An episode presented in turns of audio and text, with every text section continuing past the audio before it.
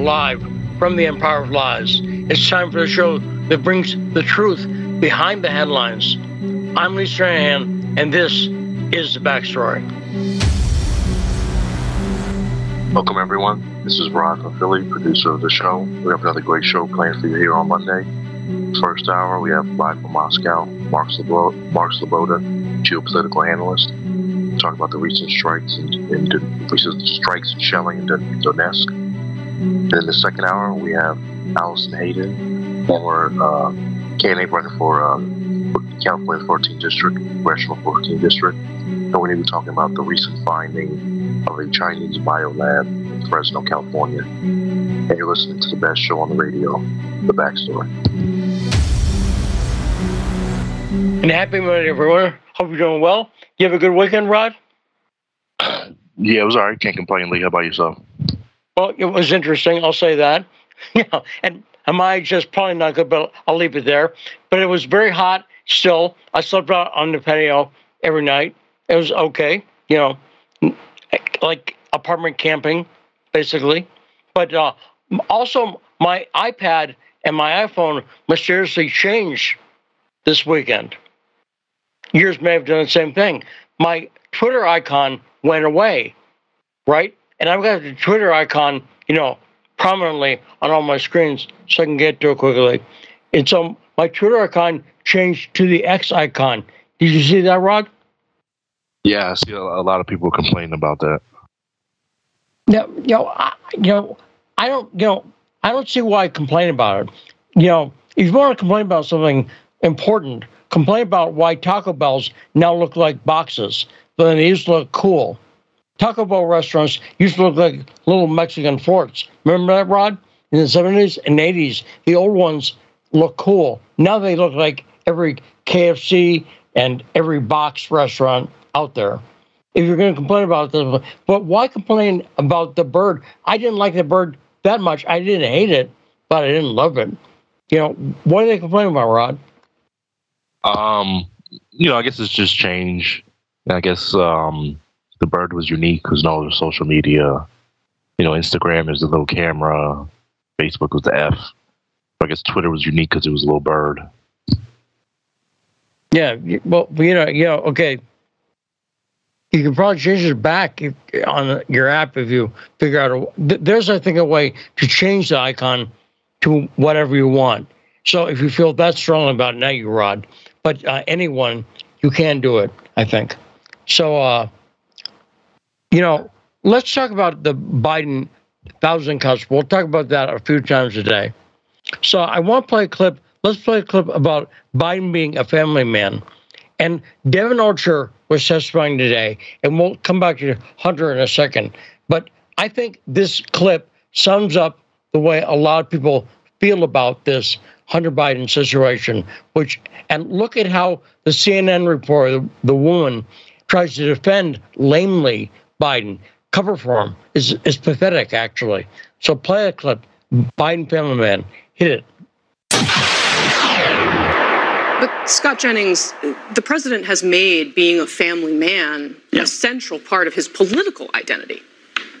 Uh, it's not Republicans, with all due respect, who made Hunter Biden into a complete scumbag on this and other issues. The, the ignoring his own daughter for four years and the president of the United States hanging up a stocking for the dog I mean, the and not for his seventh grandchild. Okay, look, we can, we can also have some, we can also have sympathy for people who are struggling with addiction. Let's right, keep this conversation right. respectful. I, I, I, listen, I, I totally agree. And you know where I'm from? A lot of families deal with addiction. And you know who ends up picking up the pieces?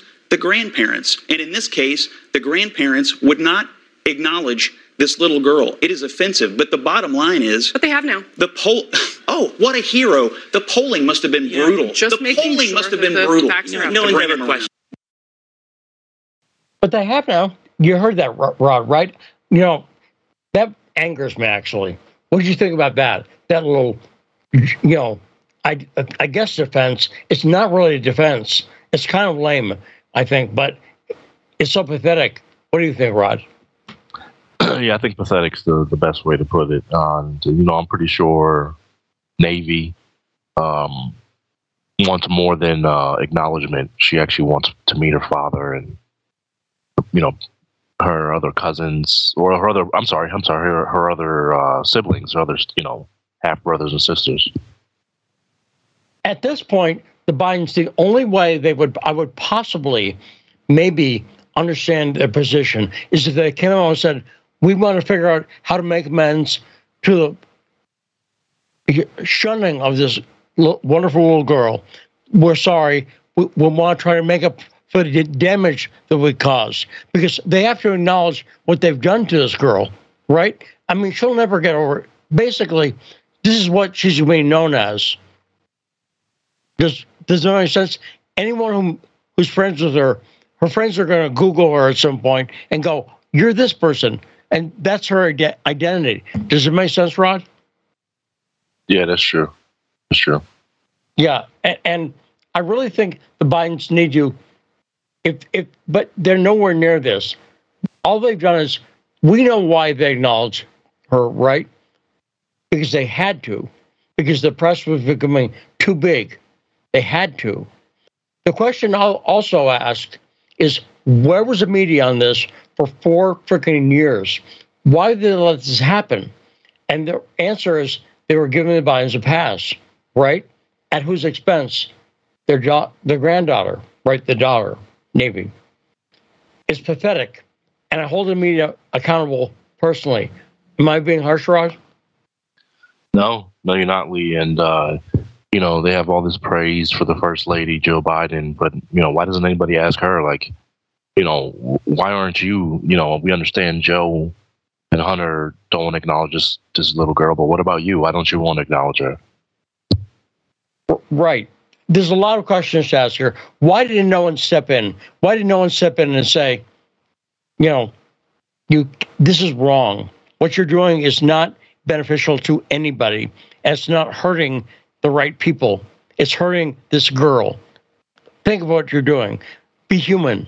Why did no one step in and say that to him? And did anyone step in? And is there a whistleblower somewhere, a humanity whistleblower? I would like to see that. But I don't think did you see Devon Archer, Hunter Biden's friend, when he walked into court today? I mean, the, the House. Did you see the look on his face, the smile on his face? This dude's, you know, greasy. Did you see him? Yeah, I, I saw him, Lee. I saw him. And would greasy be appropriate? Slimy? Uh, yeah, slimy. Slimy, was slimy. yeah. Yeah, any, anything gooey, you know, I'll leave it there. But uh, is you know, but this is the kind of guy who's a close Biden friend, and he testified behind closed doors. Unfortunately, now I, I you know, because I really want to see him testify in public, and I think he should.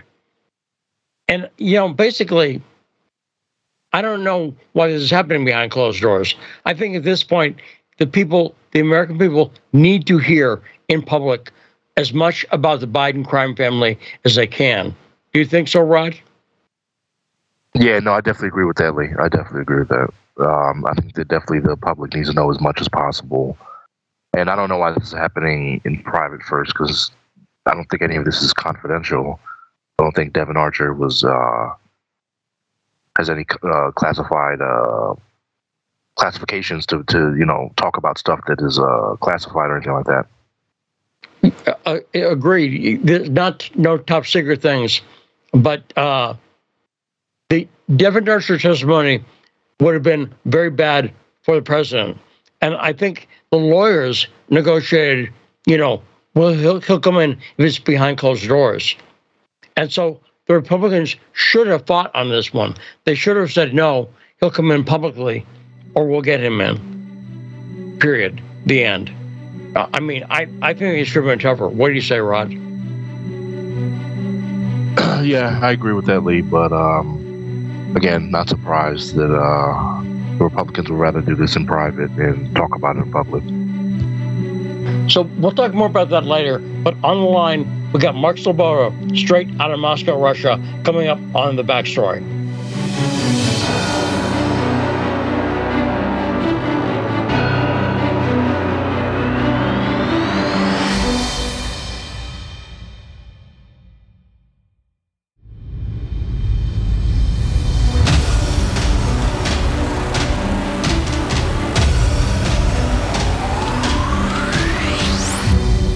We are back on the backstory, and always great to have right online right now from Moscow, Russia, the great geopolitical analyst and host of his YouTube show, Real Realpolitik. Is that correct, Mark? Did they get the name kind of right? Okay, good. Realpolitik on YouTube. Mark Sleboda. Welcome, Mark. Lee, thanks for having me. It's always an honor and a pleasure to be on the backstory. So, Mark, I'm going to start off by throwing you a real softball question, but I actually don't know what you're going to say to this. So, the, the software side of Mark Sleboda, you've lived in Russia a while. What are three things you like about Russia? You, having lived there a while, that might surprise people, or that you know stand out that you really, really like that you didn't know you would like so much, Mark. Um. Well, first, I would say that um, while Russia is a modern capitalist country on the whole, there are still far more people in Russia whose primary goal in life is not the pursuit of crass consumer crass consumerism i'll put it that way. Yeah. Um, which has no appeal to me um, i think that uh, russian schools and i've attended uh, university uh, in the US, in the United Kingdom, in Russia, and they each have their own strengths and weaknesses. And I feel privileged to have, uh, you know, uh, had the educational opportunity to, you know, to study in all three countries. I think Russia, the Russian education systems puts a priority on uh, what we might consider classical education in the line of literature. Literature is huge. It's always amazing to me that m- the majority of Russians that I meet have read more classical American and British literature, much less Russian literature, of course, uh, than most Americans and British, right? Of of the same age groups, even. Right. Um, math, there's a big specialty on mathematics and science and engineering as well. Um, so um, I I appreciate that classical focus rather than than say I don't know what are they teaching kids in the U.S. now? Gender pronouns? I, I, I that's That's far too. I, I, I mean, that is actually quite an accomplishment because there's far too many of them for me to accurately keep track of. My mind, my my uh, my brain doesn't count that high anymore. Um, so um, another thing that I like is uh, the wilderness. Russia is the world's largest country, right? One sixth of the Earth's surface. Um, I like cold environments. I like nature. Um, I like being away from people. I'm becoming quite a misanthrope in my early early old age. Um, and Russia, even in Moscow, I uh, Moscow is a very spread out. It goes out rather than up for the most part. It's a very spread out city, and there is a surprising amount of green territory within the city limits, forests. Right. Um, Russia actually has the highest uh, amount of of green uh, territory in any any con- in within the city limits of any country of any uh, city in Europe. Uh, if you count oh. Russia as part of Europe, which I generally don't. But uh, I live on the edge of a forest preserve.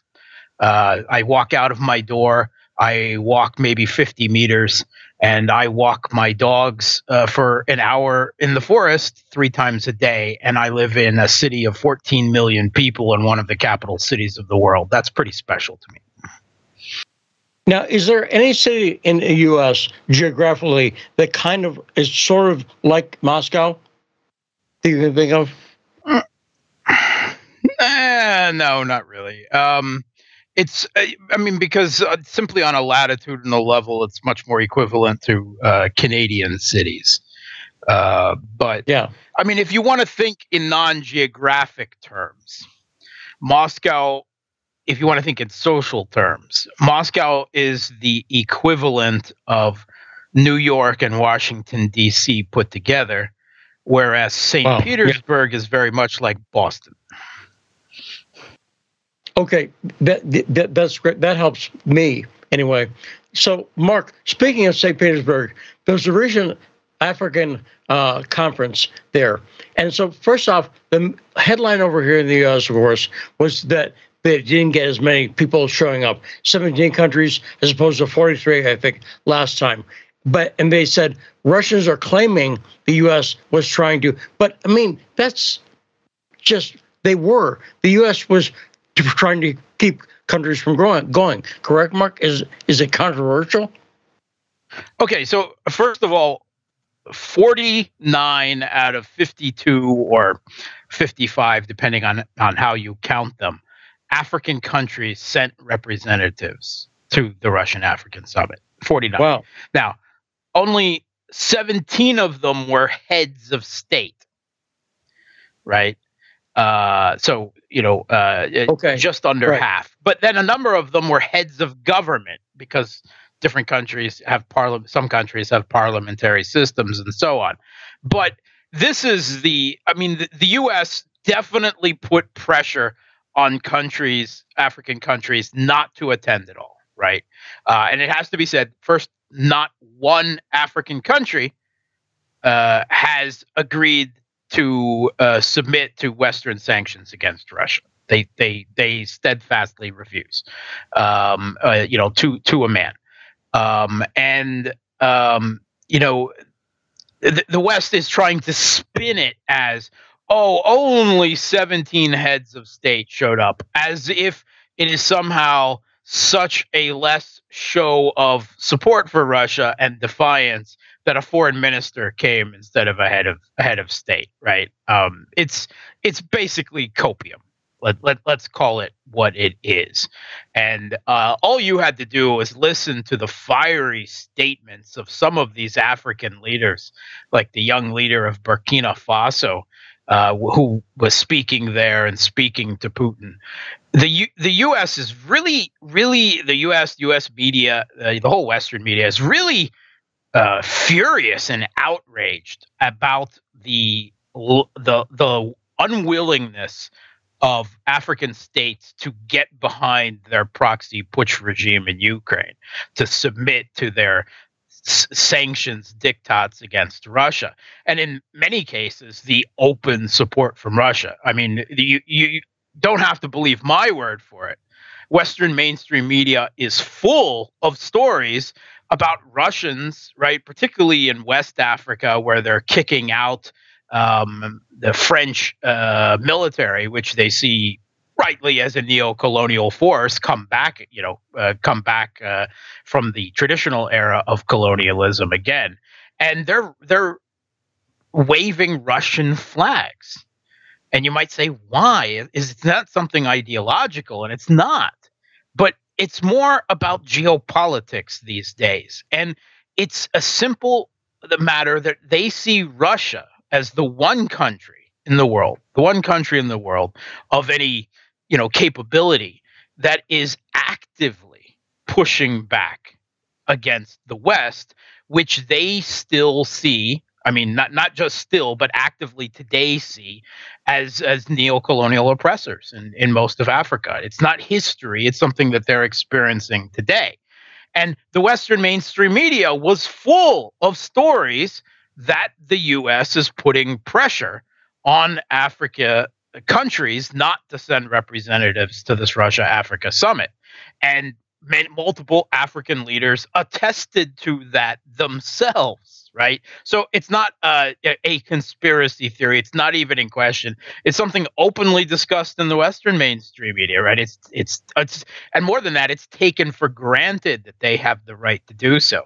And one of the the talking points that the U.S. loves to use. You know, with Ukraine is, oh, Ukraine has the right to uh, align itself uh, and and you know um, uh, you know conduct uh, you know the business of state uh, with any country it want to wants to, right? That's its sovereign right, meaning NATO, right?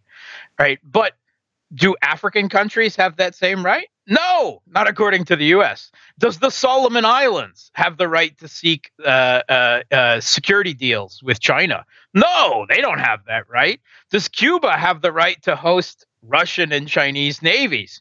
God, no, right? I mean, it, the truth is, you have the right to ally yourself with any country in the world as a sovereign state, as long as it's the United States. That's the way the US views the situation. And that's the way they view African countries. And one of the things that African representatives, including many of the, the leaders there at the summit, said again and again is at Russia treats us as equals. And that means a lot to them. Yeah, well, I also like the fact that Russia forgave a lot of debt to African nations. Is that right, Mark? Sure. I mean, not only they forgave African debt, they promised uh, grain, right? So uh, part of the, the, the narrative around this whole Black Sea grain deal, which Russia has allowed to expire because the other side, meaning the West, never um, fulfilled their part of it for a year, a, more than a year. They never fulfilled their part of it, which was to um, uh, uh, remove uh, the or, or, to reinstate the Russian Agricultural Bank uh, to SWIFT to stop sanctions against uh, Russian grain ships uh, for the purposes of getting insurance and being able to dock in ports necessary to get all of this supposedly, right? The, the whole purpose of the grain deal, the narrative is we have to feed the developing countries of the world and they'll starve without Ukrainian grain right? That that was the narrative that we were told. Well, I mean, Ukraine has been an important country. It, it's number fifth in the world for grain exports, right? Do you know what the first country for grain exports is? I'm guessing Russia, Mark. Yeah. Do you know what the first country in the world for fertilizer exports is? I'm going for Russia, Mark.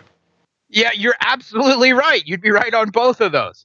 And yet, the West isn't interested at all in removing the obstacles that they installed that allows Russia to get as the biggest exporter of grain and fertilizer in the world to the states that need it. So is it really about feeding it or is it about making making money? And we know it's about making money for the Kiev regime because the majority of that grain uh, uh, uh, of uh, the grain and other products that were uh, shipped out through under that grain deal went to China, Spain, Italy, Turkey, and the Netherlands. Those are those are the top five recipients. In fact, do you, how many developing countries do you see on that list? Because I don't see any. I, I, I, certainly don't count China as a developing country anymore.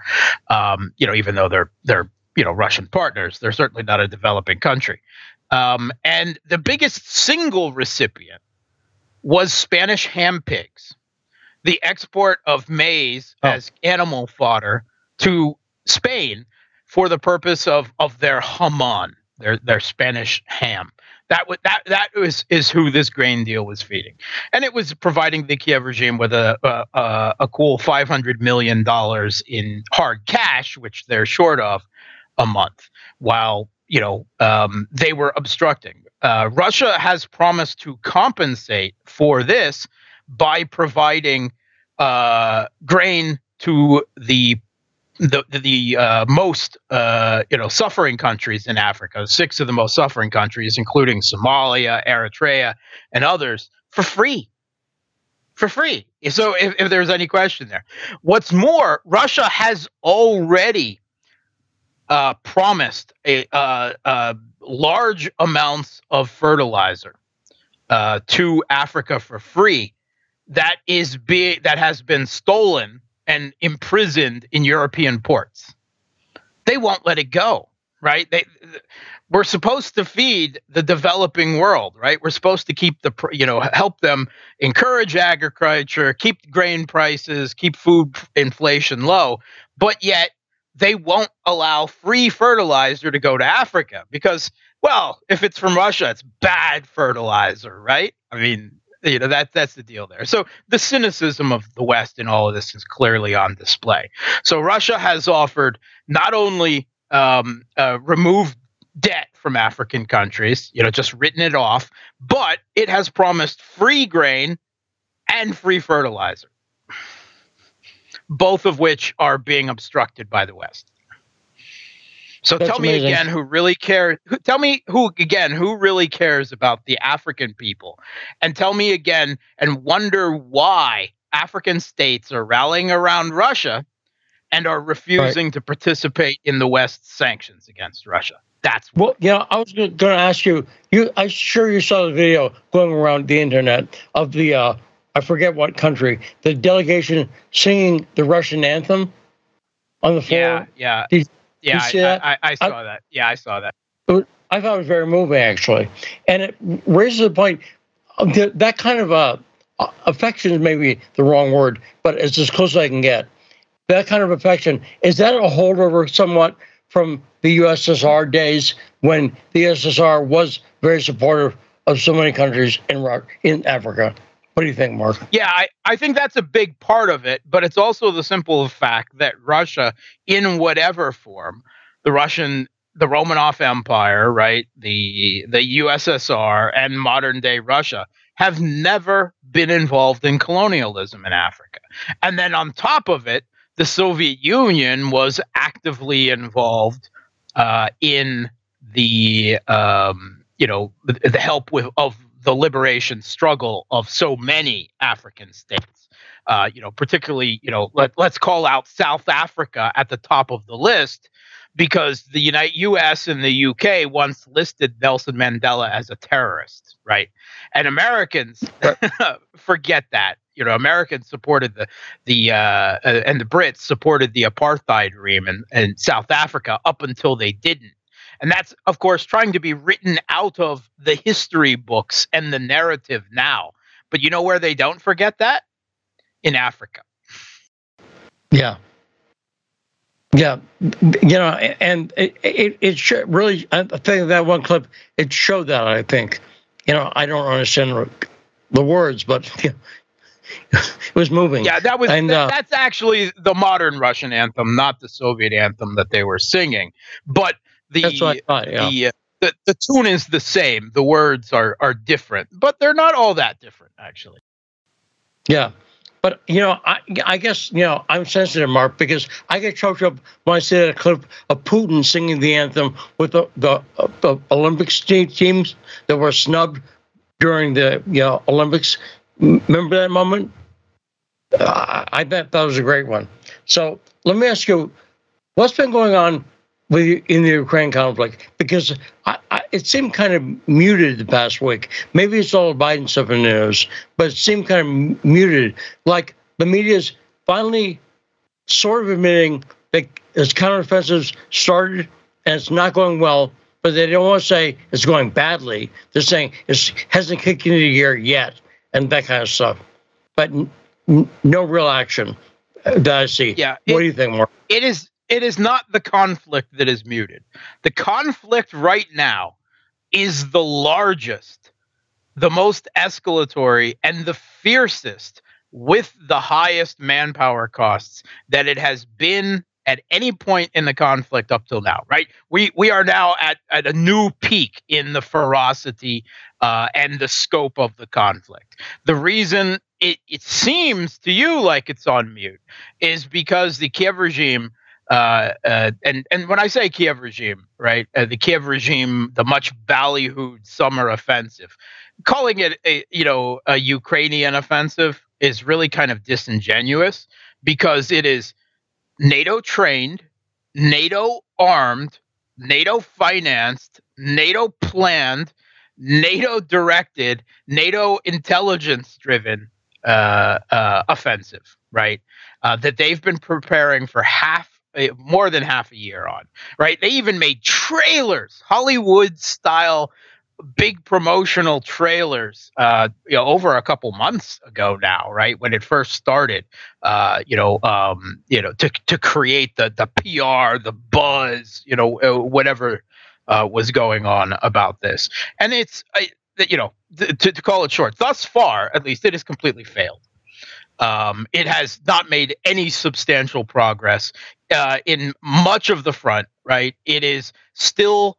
Uh, first of all, in the entirety of the southern front, not in one place has the Kiev regime forces even made it through the screening zone, right? The throwaway zone, the crumple zone, whatever you want to call it, and reached the first of five Russian echelon defensive lines.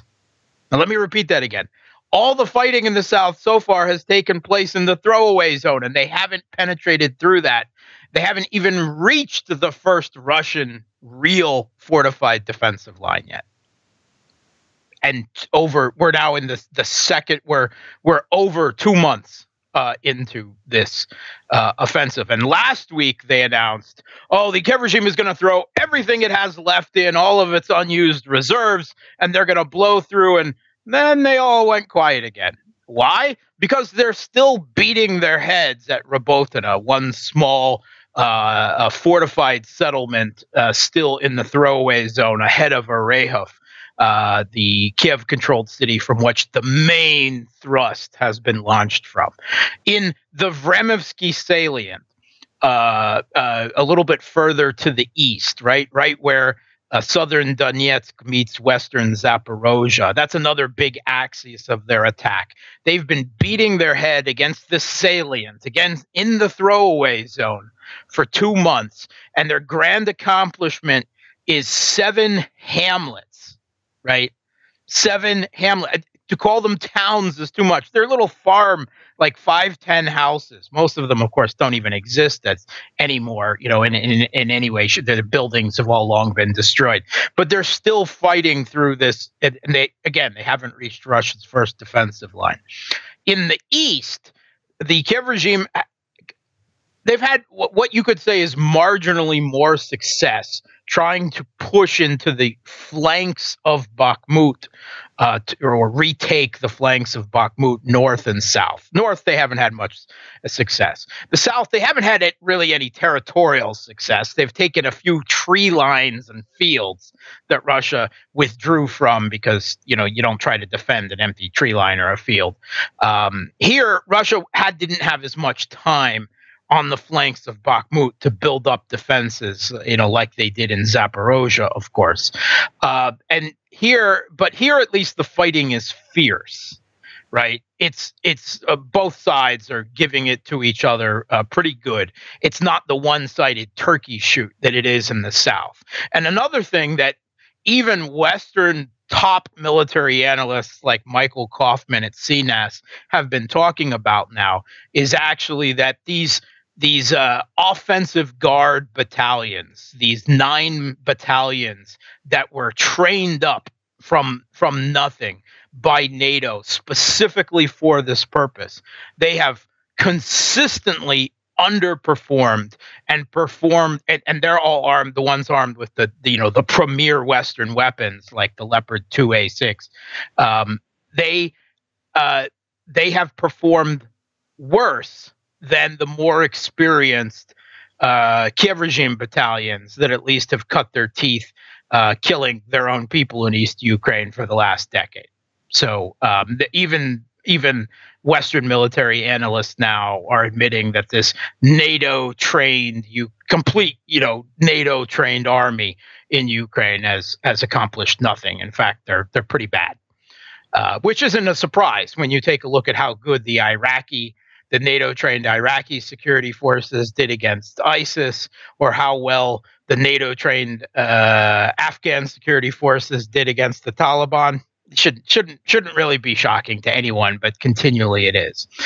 So they've made a little bit. They're still fighting over the same settlement south of Bakhmut called Klashayevka for eight weeks now. But at least there they have been at times fighting within the settlement and in the heights around it.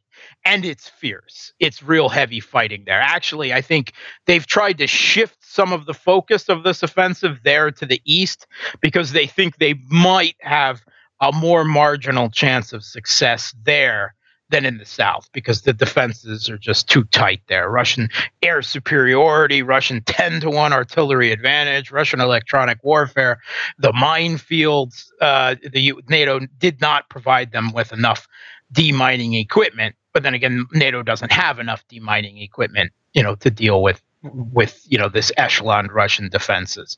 So it's been really bad for them. The other thing that no one is talking about is unreported in the Western media is that uh, in the last two weeks, Russia has begun their own offensive, right? A big one. Um, according to not me, but the Kiev regime's officials, uh, Russia has launched an offensive right out of Lugansk in the direction of uh, Kupiansk and Liman, two small cities that Russia withdrew from uh, last autumn uh, because of those manpower issues, right? That I talked on the show a long time about. Uh, well, they, now they've got the reservists called up, and they've got all these new volunteers and contract soldiers who signed up, so they don't have any manpower problems anymore. And according to the Kiev regime, the size of the Russian offensive, according to them, a hundred thousand troops just in the in this off- local offensive, uh, 900 tanks, and over a thousand artillery pieces and rocket systems.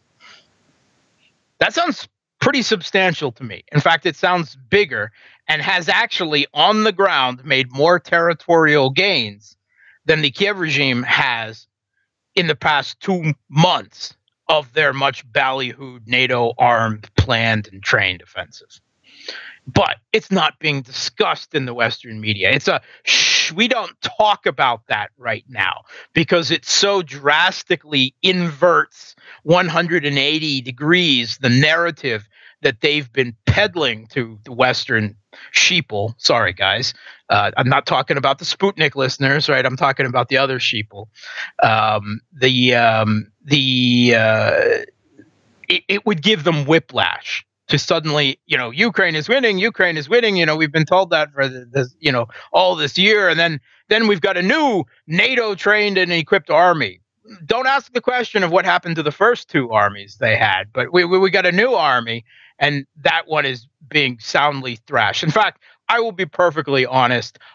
I did not expect this offensive, this uh, Kiev regime offensive, to succeed not it's certainly not in the goals it's, it had of severing the land bridge and and reaching the Sea of Azov. I, I never believed that, but I s- honestly believe they would have more success than they have had, significantly more, and they haven't.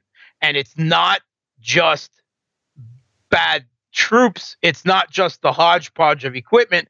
It's not just how good Russian defenses were constructed. It's not just you know these myths that Russian morale is low, Russian training is low, but Kiev regime morale and training are super high. That is all hogwash, of course. Uh, it, it's the complete opposite. But the NATO planning was awful. And uh, talk, talk about the effect these casualties. And actually, a question for you, Mark. Over time, has Russia proved when they put out casualty numbers, you often the day of you can't tell, but months later, I think you can tell whether Russia's generally accurate or not. What do you think about yeah. their their numbers, Mark? Yeah, I don't trust anyone implicitly, right? Whether it's the Russian government or, or, anyone else about you know their own casualty numbers or the casualty numbers they're giving on Ukraine. But by far, if we want to take a, a look at how close to reality is by a, a factorial scale, the Russian assessments are closer to reality than anything that comes out of Kiev. Uh, you know, much like say the ghost of Kiev, um, and uh, you know, then repeated by Western governments. It's propaganda. I mean, and and and in some of the officials' more honest things, yeah, yeah, we don't we we don't talk about casualty numbers during a military a conflict. You only talk about that afterwards, if then. So I, I think the, the Russian numbers are fairly fairly close to accurate. Um, they, they certainly have been far more close than than the Kiev regimes.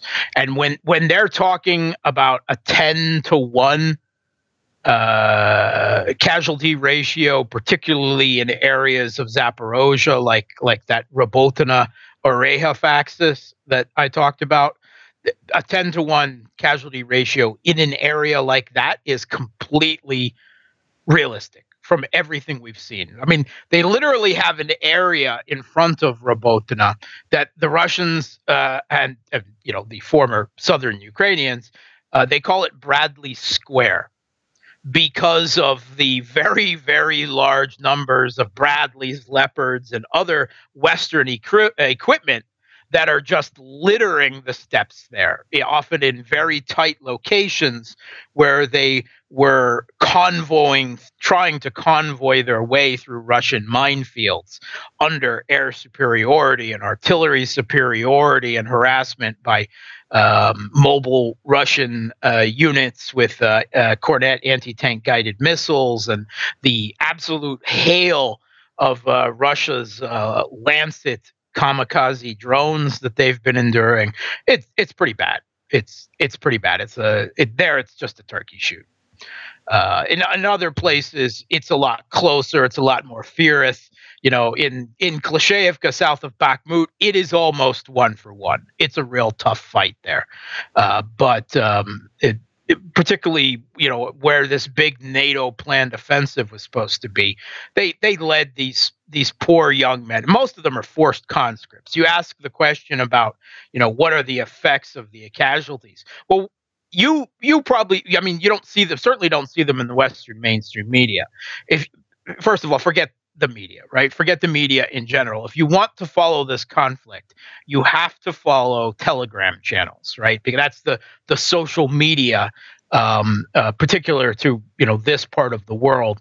Uh, that you know there are specific you know pro-Ukrainian channels, pro-Russian channels, some of both in English if you don't speak Russian or Ukrainian, right? Uh, follow those because that's where you'll find much closer to the heart, and not just the Russian. You know, it it's primarily comes from the Ukrainian Telegram channels. Their own social media are full of hundreds and hundreds and hundreds of videos of their their press gang, their military press gangs that are performing just vicious forced conscription on the streets of cities all over Ukraine, right? Uh, not just the east anymore, but the south and Odessa, in, in West Ukraine and Lvov. And they literally beat young, grab any young men they see it. And not so much young. I mean, young right now is younger than 60 right? and old enough is 17 you got some pubes, you're old enough, right? I mean that that's that's what they're and they will if you don't come willingly, there's the number of videos where they literally beat people unconscious and throw them into the vans. And then 2 weeks later they show up at the front lines in trenches. Maybe they've fired a gun once, according to, you know, the, the, some of, of their own accounts, uh, often not um, you know, shoved into some territorial defensive battalion as cannon fodder. It's cruel, and and that is the effect that the high, the abysmally high casualties, uh, particularly in this southern offensive, uh, are having. It, it's just a continual. Russia conducted one wave of mobilization where they called up 300,000 reservists all with prior military experience. Kiev regime now is just locked. They've already conducted so many waves of quote unquote mobilization. I read forced conscription, right? Civilian, you know, not not just anyone with military experience, civilians, anyone. Uh, but it has devolved for, beyond forced conscription into actual literal press gangs that Ukrainians are doing, you know, their best to avoid uh, on the streets, uh, but it, somehow it seems that they're always uh, one step ahead of, of the people that they're targeting. So, Mark, you, it seems to me that uh, people, uh, you know, Medvedev and uh, Putin have made some statements more admitting that Ukraine is not going to exist after this because it can't. I, I agree with that too. That the Nazi Ukrainian Bender Ukraine can exist as a thing. So, is am, am I imagining that's more public, Mark, or that they're be, being a little okay, bolder about saying Putin has never said that. Um, we have heard statements to that effect coming from both Medvedev. We have heard it coming from Lavrov, the foreign minister. Now, I certainly agree that it should. I don't think that there will be peace for Russia or for Ukraine until this, you know, um, uh, you know, Western-backed putsch that seized power in Ukraine in 2014 with an open Banderite fascist ideological vanguard, and as as was called actually uh, by Radio Free Europe, Radio Liberty, a few years ago, Azov as a neo-Nazi state within a state. Not my words. Radio Free Europe, Radio Liberty. Google it. Um, but uh, well, yeah, it should be removed. It, I think, it must be removed. Right? Will it be removed? That's another question. When Russia mobilizes another 600,000 troops, then I'll believe that's going to happen, but not till then. Yeah, and, and, you're not saying, I see. So, in other words, you're not saying the things they need to do to make that happen, right? That's no, what I you're mean, saying. You, it's a large country to occupy, to take every city uh, you know, uh, that even right, let's say this offensive continues to fail and they they falter on for a while, then they can simply go on the defensive. And even with reduced NATO war supplies, they can continue on in a defensive mode for a long uh, time. I think this conflict will go on for years, right? Uh, and I won't believe that the Russian, you know, the you know the head of state has decided, yes, that we have no option left but regime change. Uh, it's simply, uh, you know, practical. It's it's pragmatic. You need that amount of manpower to to take and occupy a country as large as Ukraine, and absolutely not. I mean, the the majority of the Ukrainian people are are not Nazis, right? They the, the, Nazis would never win any open and fair election in in the country. It's not about that. It's about a violent and ideological minority that have taken hostage and it, to some degree brainwashed in an, an entire state. This attempt to force the Banderite national identity identity conception of West Ukraine over right. the whole country, particularly East Ukraine. That that has to stop. Uh, it it has to be removed. Uh, I don't think that Ukraine or Russia will have peace until it's done. But I I'm not rosy eyed. Uh, or triumphalist about. You know, I I fully believe Russia is winning on the battlefield right now, you know, against this offensive here, on their own offensive, you know, uh, in the north.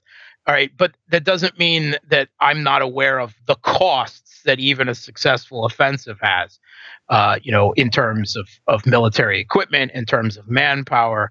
Um, and I know what it would take or uh, you know i believe i know what it would take uh, from a realistic assessment. I don't believe that this conflict is ever going to end with with the kiev regime saying oh we can't fight anymore and U.S. saying, "Yeah, yeah, we lost. All right, let's sign a, a, a peace treaty with Russia, and you you give up this, and you're going to agree never to join NATO." You know as well as I do that is never going to happen. The U.S. is never going to sign anything. The Kiev regime they've they've put in laws forbidding their own leaders from negotiating with Russia. Right? I mean, it's it, they're they're fanatical. They will literally fight to the last Ukrainian, and the U.S. will help them to do it. This is going to end like the Syrian conflict ended. And how did the Syrian conflict end, Lee? Well, kind of hasn't, but not exactly. not well for the. It hasn't. Right.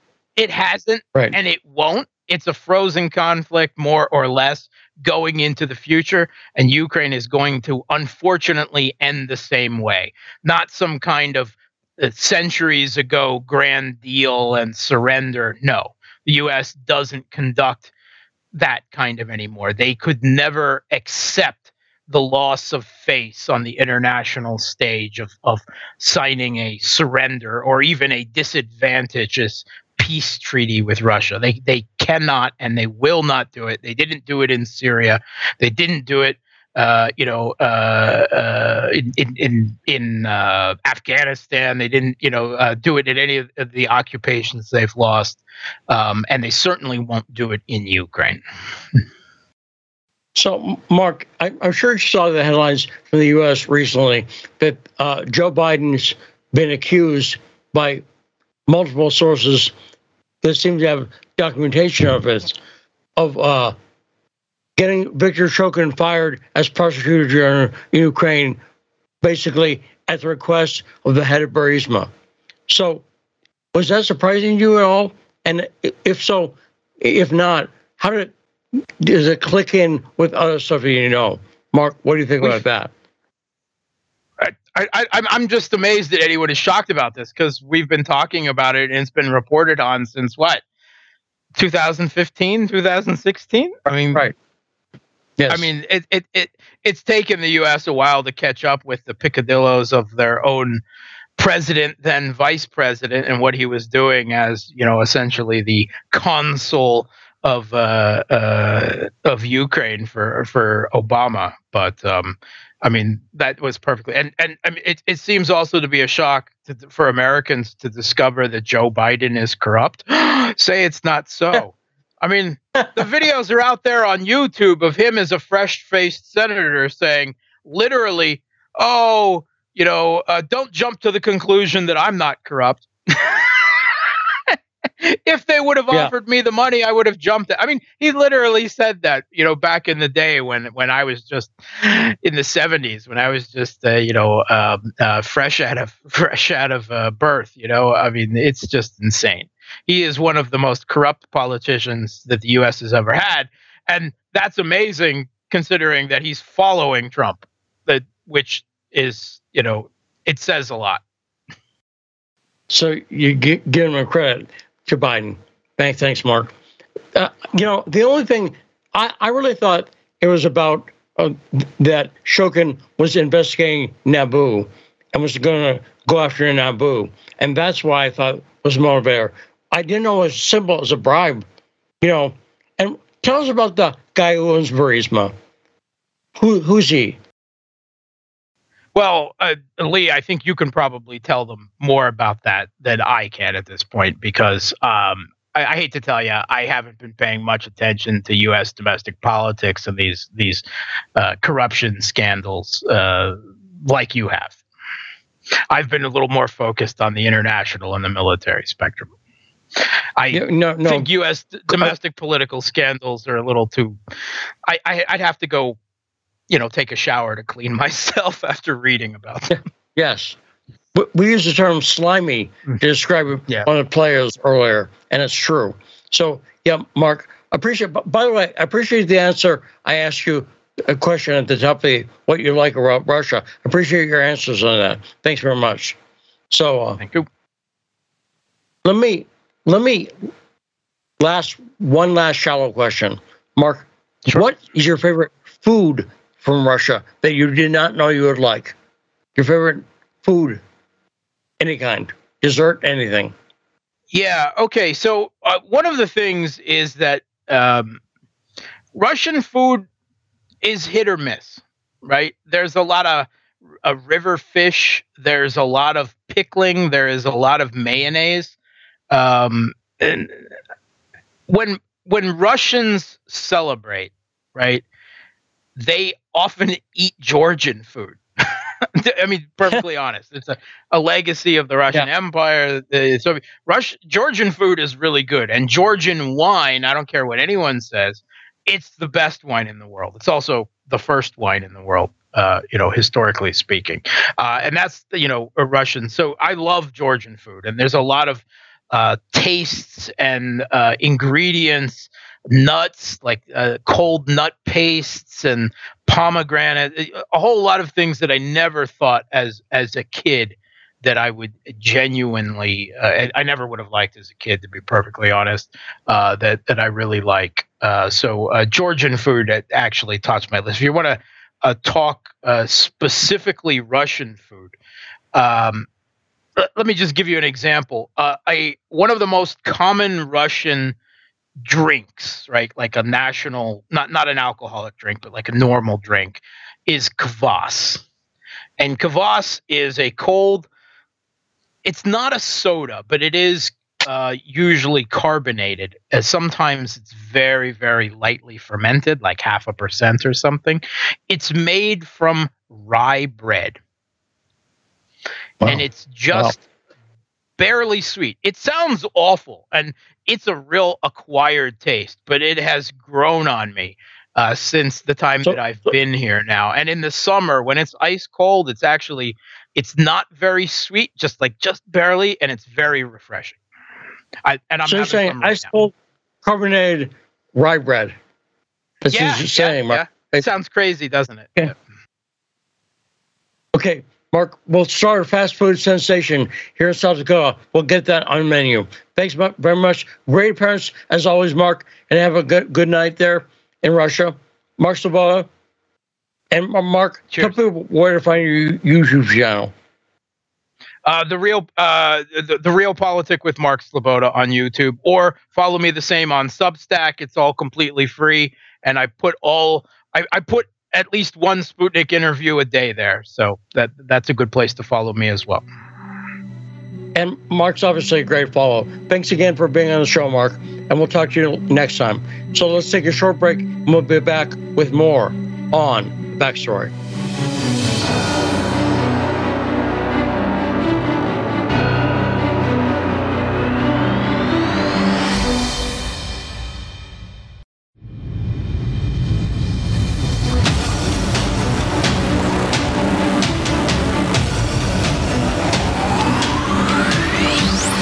And we are back for the second hour of the Monday edition of the show that brings you the headlines, the truth behind the headlines, not the headlines behind the truth, but big bad. I'm Lee Stranahan, and this is the backstory.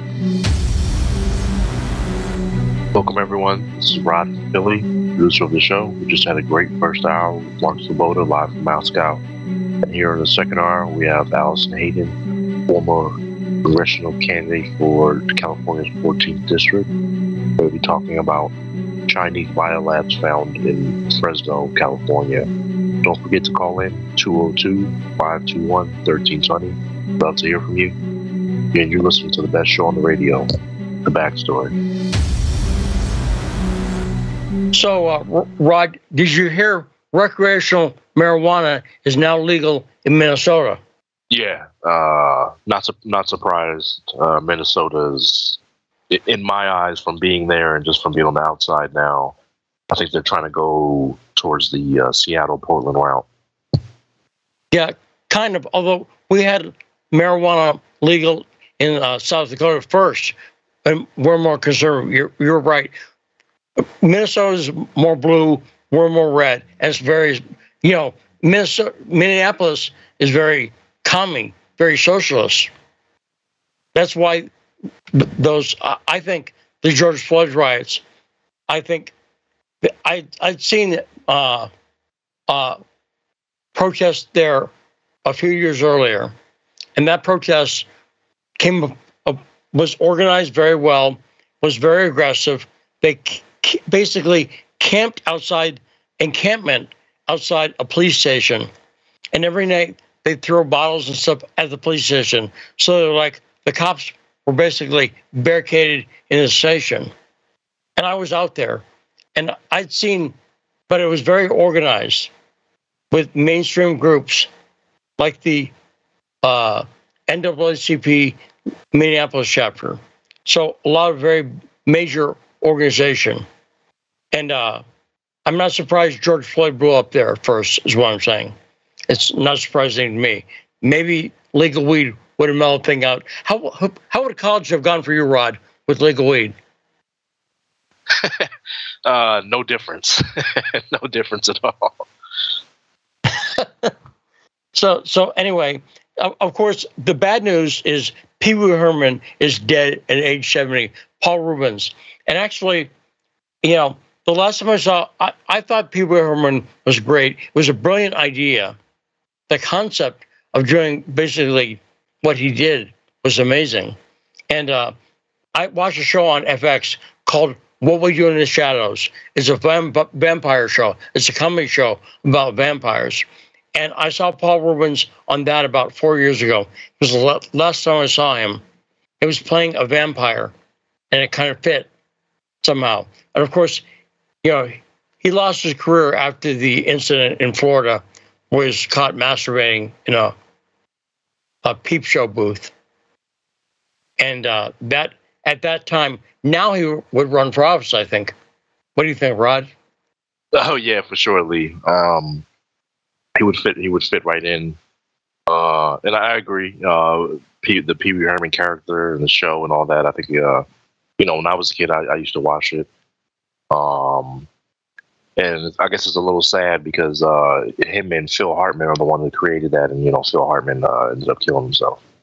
Well, I, I of course have a story about Phil Hartman because I was friends with Dana Carvey's brother, and Dana Carvey and Phil Hartman obviously were at SNL at the same time. So Dana knew uh, Dana and his wife knew Phil and his wife, and remember how Phil Hartman died. His wife shot him and then shot herself. Okay? So picture this from Dana's wife's perspective for a second, okay? It's not just that uh, Phil Hartman was killed. That's shocking enough. But your friend did it and then killed herself. Now think about that. So people forget how that went down. But one thing I know about that is uh, Phil Hartman as a as a person, and take from this what you will. This is the truth. This is the backstory on this one. Uh, Phil Hartman, I was told, really devoted himself to his career, and he ignored his wife. Basically, he didn't give her. He gave her money, but he didn't give her time. And she'd do things. She'd act out to try to get his attention. You know, does that make sense, Rod? She would, you know, throw a fit or something like that. So he'd have to show he loved her. Have you seen that kind of dynamic before?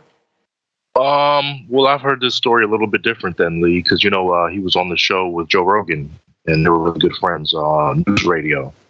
Yeah. And yes, you know, I know, I know, like with you were saying, yeah, he did give her a lot of money, and uh, Joe was saying that pretty much she demanded it. So, I, you know, Joe was telling a little bit of a different side of the story that uh, he was kind of criticizing the wife uh, no, that's that's what I'm saying. She was the kind of person who if she would throw she would cause drama, okay? And the ultimate drama, of course, is killing someone and then killing yourself. But she would do little bits of like that. And uh, whereas Dana Carvey was a real Dana's married to the same woman that he met at a comedy club. So think about that. It's amazing for any career, right? If you know a, a plumber who's married for the same woman he dated in the 70s, right? That's great. But in Hollywood, who does that, right? I mean, it's very rare. But uh, so they were they kind of pursued their careers differently. Dana did, did stuff so he could spend time with his family. And he made decisions. He did moves because they had no pressure. Because look, he's done well. You you don't see Dana much, but he's done well, and uh, he never has to work again. And so instead of, you know, he never has to. He does, but he doesn't have to. And his family is taken care of, and uh, it's a good story actually. But of course, that Phil Hartman one is more dramatic and horrible. So, uh, makes sense, Ron?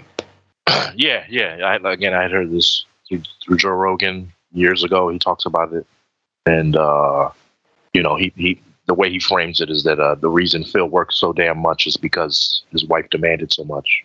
Yeah, yeah, but you know, you know, I I think that's true, but I think it also I think that worked with his personality. Who he was more work focused, and you know, in his earlier career before he did comedy, you know what he did? Not many people know this. No, I'm not sure. He was a graphic designer, and he actually designed a couple of album covers that people, you know, of my age have seen. Uh, but he was a graphic designer. And that's kind of weird. You know, comedians, you, you don't think of somebody talented in two ways. Does that make sense? You you wouldn't think, you know, you know, if, if they can if they can sing and walk, that's pretty good accomplishment.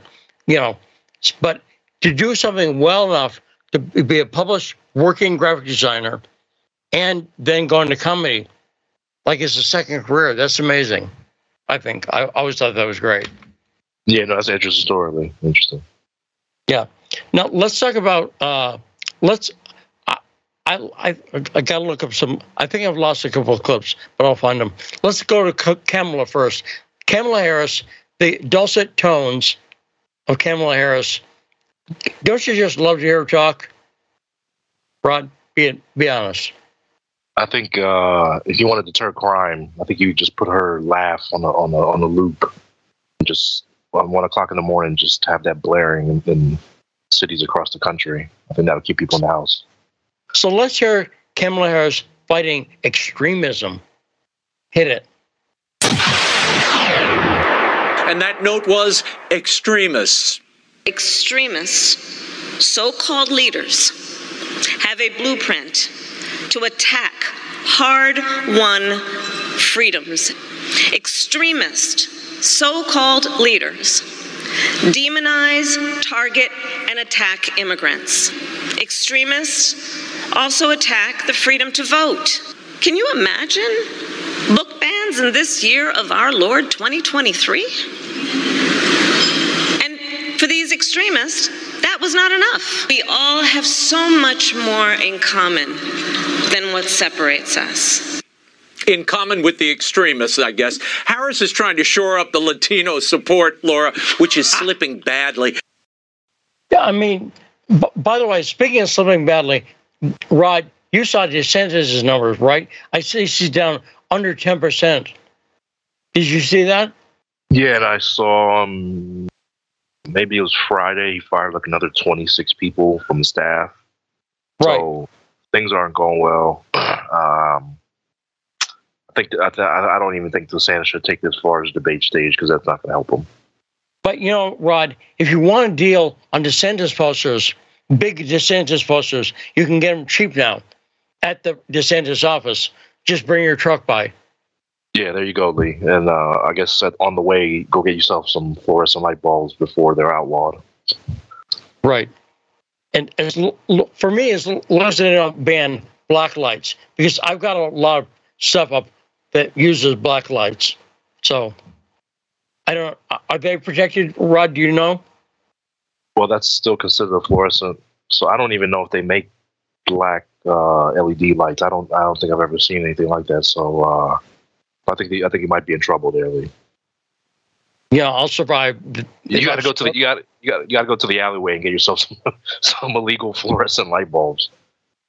Now, so uh, let's go with. I, I found the clips I was missing. Uh, I got to figure out what order to do these in. I want to do the two clips about never discussed with Hunter, and uh, the other one.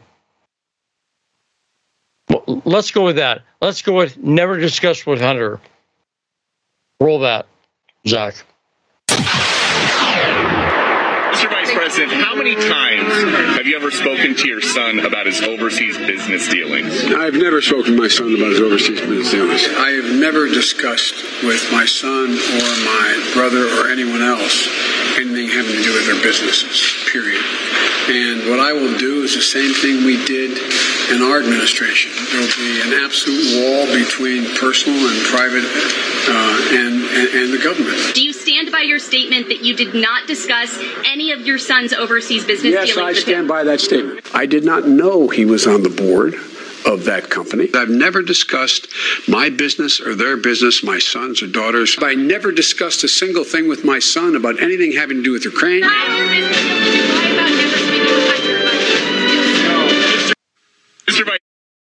That last statement, look, a lot of what he's saying is weasel words, Rod. A lot of what Biden does to duck this is I never discuss my business you know, my son's business with my son. And, and people are normal people. Let's say your son is a plumber, right? You n- normally discuss plumbing with your son? Probably not. That makes sense. But Biden's business, what the Biden business was, was access to the big guy, was access, right? That was his business, was influence. Am I missing something, Rod? He was the business. Yeah, one hundred percent, Lee. Um, Joe Biden is is the business. Uh, if you want to talk to the big guy, you got to go through Hunter. You got to go through Frankie, and whoever else is involved. Then, uh, then you get then you get a little bit of my time if, if you're worthy. Right, and, and, and you know the fact that he keeps referring to his son's business and he knows it's a fiction. There is no business. The business is influence peddling for you, big guy. So I think this is that little, you know, clip, clip uh, montage shows how much Biden has lied over and over. And again, the press has let him get away with this. This was so offensive. The press has let him get away with this over and over and over. Now let's play our favorite congressman, Dan Goldman. Is there a favorite, Rod? Yeah, I think he's up there. I think he's like top five. Who's more favorite? Or is AOC still special to you? Oh, I, I don't know. I don't know who's my uh my least favorite. I, I'd have to think about that. Okay, yeah, yeah. It's hard to, you know, they need different categories, like the Oscars, like most abrasive personality, worst voice, dumbest. Like, you see what I'm saying? Categories. What do you think? yeah, you could do categories for sure. I think uh someone like Debbie Wasserman Schultz, you can put her in like the nasty category. Okay, Rod, I'm making a host uh, pronouncement. Okay, ready for this? I'm, I'm serious about this. Let's do this. Let's plan. Let's put on a calendar. We're going to do the donkeys. The donkeys are our first annual Democrat Awards, and we'll uh, you know have categories. I'll make it up, and, and, and I'll probably pick them too. But I'm just saying, let's do a segment, and I'll produce you know bios. It'll be like the you know Oscars or Grammys. I'll do a whole presentation. Give me a couple weeks. What do you say, Rod? I'm down, Lee. Okay. And I, I like the donkeys, right? That's good. Hey, that works. Yeah. I could, you know, could go with the ass, meaning a donkey. But well, you know, just as the proud boys, I guess they'd be the proud asses. You know. Yeah, that's funny. So, uh, so uh, let's play Goldman. Goldman hit it. Doesn't contradict the president's statement saying that he never talked to any of Hunter Biden business associates? Clearly, he talked, whether it's about the weather or whatever, but he said specifically that he's never talked to them. Doesn't this contradict them? I don't know what his comment is, and if we're gonna, well, I don't, I don't think that's what he said. He never said that he has never spoken to anyone. He said that he had nothing to do with Hunter Biden's business dealings. If he says hello to someone that he sees his son with, is he supposed to say, Hi, son? Oh, no, I'm not going to say hello to the other people at the table or the other people on the phone? It's kind of a preposterous premise to think that a father should not say hello to people that the son are at dinner with, the son is at dinner with, and that is literally all the evidence is. Was this like a party trick that Hunter Biden used to impress the people he was with? And you, you see, Rod, this is exactly what I'm talking about. It's the fiction that Hunter Biden has a business, right?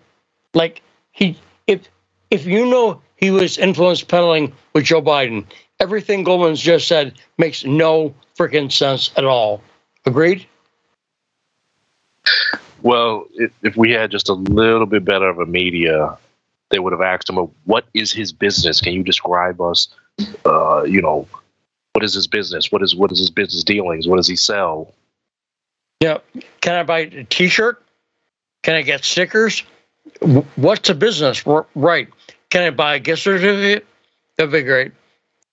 Imagine that a hundred buying gift certificate, Rod. What would be the picture on it? what would be the picture on it? Uh, I guess a crack pipe or some okay. some used used condoms, something like that.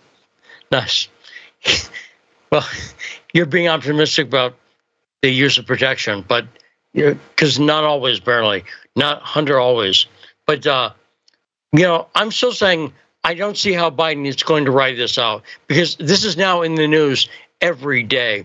Do you think if Democrats are enjoying waking up to Hunter Biden stuff every day, Rod? And they really are now. They're, I think, you know, mainstream Democrats, elected officials who are in D.C., they're now getting up and opening the Post and the Times. And what I see, more Hunter Biden BS that they're fighting badly and stuff, and more Devon Archer and more stuff about whistleblowers. It's bad. It's every day now, even the mainstream media, hints of it. Not a full thing, but hints of it. It's getting out. It's too big to contain. We said, I think it, it is, Rod. What do you think? Oh, yeah, for sure, Lee. Um, even, even someone like Dan Goldman's, he's, he's losing it as far as being able to to cover up what's going on. You know, now he's saying, you know, uh, Joe Biden, you know, he's worried about the weather, and that's what he talks about with Hunter Biden's business associates, and that he has to be cordial. You know, he's he's a good father, so he has to be cordial to Hunter's friends. Um, I think he's losing it, and yeah, so everyday Democrats, you know, local all the way up to uh, you know Congress. Um, yeah, I, I, don't know. I don't know. Uh, I think I think a, a little bit of it is just cognitive dissonance. A lot of people thought this was just going to be a better option than Hunter. I mean, than Trump, or kind of just they don't know what to they don't know what to say. Well, did you see Oliver Stone recently said he regretted voting for Biden? Did you see that? Yeah, I did see that, Lee. Um, I've seen I've seen a few people say that over the past couple months, and it's people like Oliver Stone who knows what's going on. It's kind of like, or like Elon Musk. It's kind of like, well, what did you you know what I mean? Like what did you think Joe Biden, you know, when you when you cast your ballot for him, what did you think you were voting for? Well, you know, just to compete with Hunter Biden and uh eh, com- sorry, Jeff Hunter Biden just to compete with Elon Musk and Donald Trump is opening his own service, Rod. Triple X. Look for that. there you go. So you go. so I've talked a lot about how I think Biden's going to be death by a thousand cuts, right? And this Hunter Biden stuff is about, about 10 cuts. But another one is immigration. I think legal immigration, which is at an all time high, and it's spilling out. It's, again, too big to contain. It's not just hitting Brownsville, Texas, and El Paso, it's hitting Chicago and New York. And it's hitting the people so let's play the clip. Let's play Chicago's fed up with immigrants. Hit it. Many of these residents say they no longer have any tolerance for the disruptive behavior by those seeking asylum here. It's making them feel unsafe. They disrespect us, they rob us, they harass us. And their patience is wearing thin. Let me say this they got one more time to deal with it because otherwise, next time they deal with it, they're going to deal with it from the streets. We're going to take over it. Nobody's going to be able to stop us from what we're going to do to them. Much of the residents' anger was directed at city officials in attendance, including 20th Ward Alderwoman Jeanette Taylor, Chicago Deputy Police Chief Stephen Chung, and Family and Support Services Commissioner Brandie Knazze. At one point, police had to intervene, breaking up an argument during public comment. Any- so, Rod, let me ask you: Did that brother say what I thought he said? Yeah, he said exactly what he was. What he uh, he was very clear what he was trying to say, Lee, and um, I, I don't know uh, how people are surprised that this is the sentiment. Um, because okay. I believe, I believe personally, he's not playing. I believe he's serious. He's telling the truth, and he knows people who can back it up. Right? I, I'm, that's what I think. What do you think, Rod? Oh yeah, for sure. You know, Chicago's a big city, just like Philly. Right. Yeah. You know, I know I know people for minimal amount of money who, you know, inflict a lot of pain and damage, or you know, end someone's life for just a minimal minimal amount of money. So, uh, what he's saying, you know, I agree with. He's he's not lying. Um, but this this is the sentiment that you know you have again you have grown men, mostly grown men, just parading around America, standing on corners, uh, hanging out in parking lots or whatever, just congregating who aren't from this country, and you just expect everyone to just, you know, just mind, you know, mind your business and appreciate them. And so Mayorkas was in front of uh, Mike today. Did you see some of that? Yeah, I did see that. I did see that. Leah, uh, the, that clip came in through, a little too late, but yeah, I did see that, and um, yeah, I'm a little, I'm a little disappointed that Republicans have been, uh, they haven't been able to do two things at the same time. Uh, they could have done, you know, this Biden investigation as well as presenting the case, you know, that Mar- Mar- Mayorkas is a failure, and needs to be impeached as well. Yeah, and, and so yeah, what was interesting interesting to me about Mayorkas is he always looks really uncomfortable. He looks like a guy playing an uncomfortable witness. You know, he always you you know what I'm saying, Rod? He's shifty. I'll say that. He's shifty. Yeah, no, he's a he's a weird character.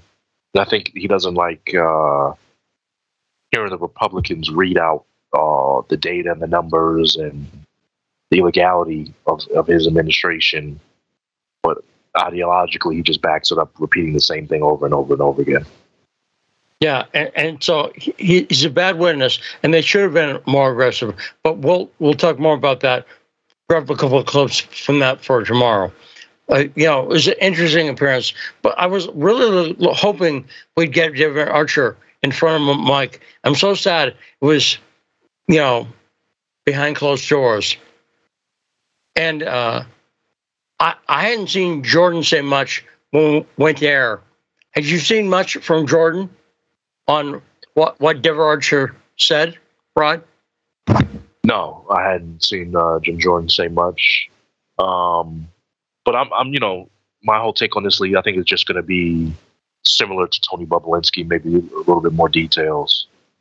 Um, and let's not forget that uh, Tucker had an interview with Bobulinski uh, like a year and a half ago.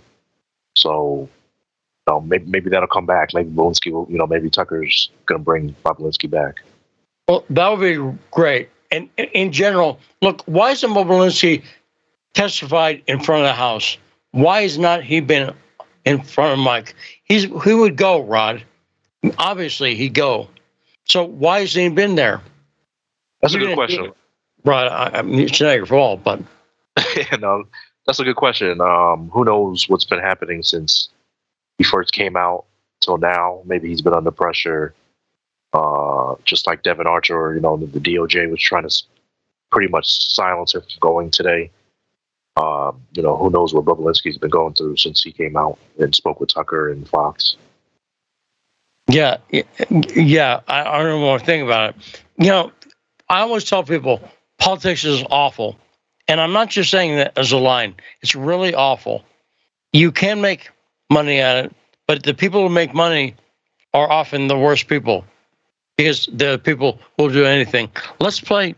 We do we play the clip of Chicago? Did it play the Chicago clip, Rod? Yeah, we played it. Yeah, we played it. Okay, I can't. Yeah, thanks a lot. So, with Allison Hayden, we got one last clip. I think. I think I got them all. Okay. Uh, but uh, coming up, we got Allison Hayden, our friend from Northern California. Let's take a short break, and we'll be back with Allison on the backstory.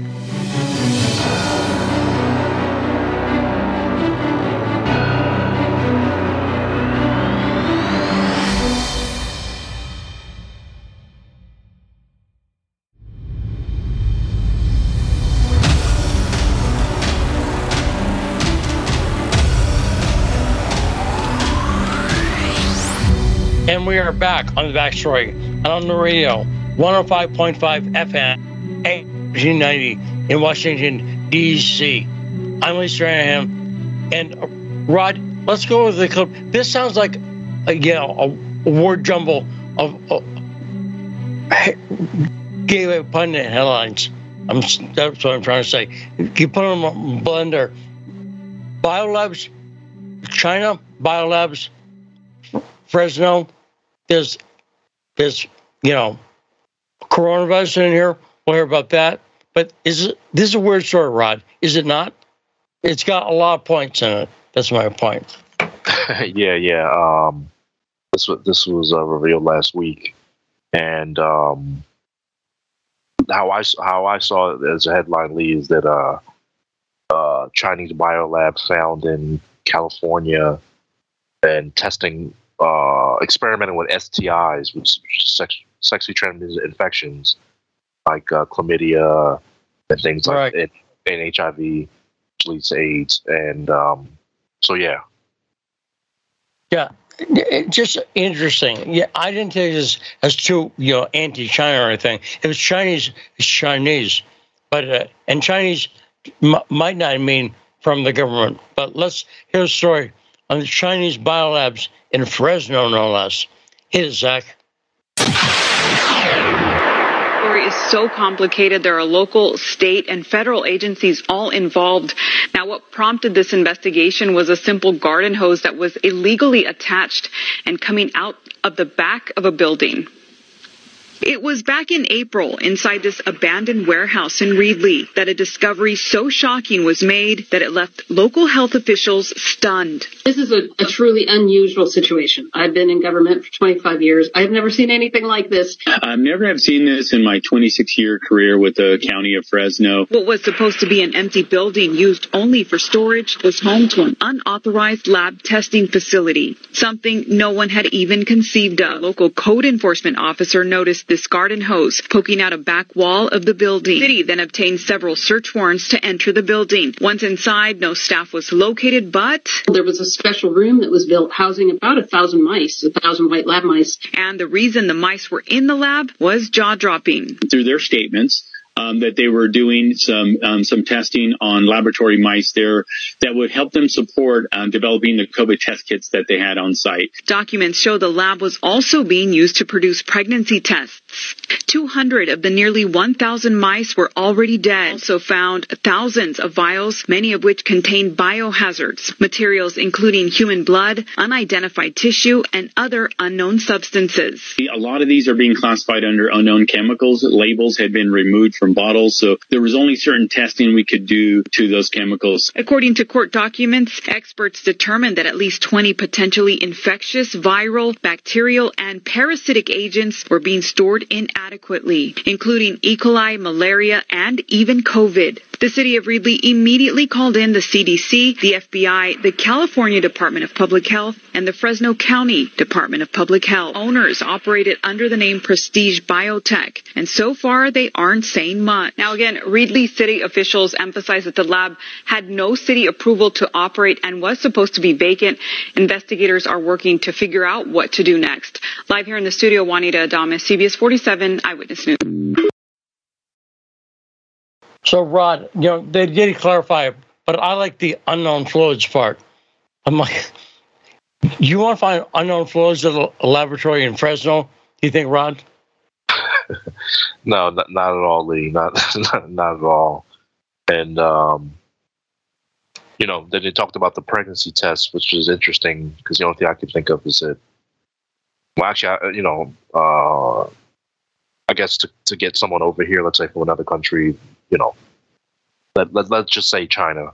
You know, you have a Chinese woman say, well, she, you know, she's pregnant, she's here. I guess she, you know, she can't go back or something like that. I guess that's the only thing I can think of right now.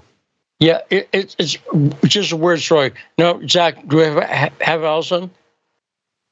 Okay, so so Rod, what do you make of that story?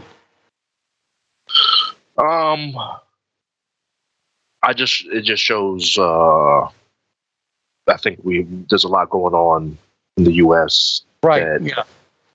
You know, uh, again, we keep looking outward when I think our our main one, two, three, four, five, and you keep going problems are right here. And we don't have to go outside our borders to say that you know you know this is our problem. That's up. No, it's it's it's all right here.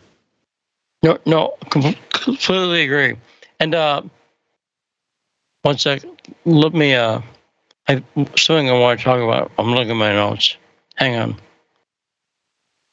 Uh, well, you know, one thing I've been thinking is with this uh, Hunter Biden thing being uncontrollable now at this point, and again, the Devon Archer thing that's going to roll out in the next day or two. Okay, and I'll bet what comes out of it is more specifics, and the specifics are very bad for the Bidens. That's why people are saying, in general, there's nothing new. Yes, that's true in a big picture sense, but the details actually matter a lot because people are skeptical when they hear a lot of details, they add up. Does that make sense, Rod? Oh yeah, for sure, Lee. For sure, I uh, I definitely agree with that. And uh, I I think the the border issue that we you know heard that clip about when it's becoming so big that regular people are noticing it and everywhere, right?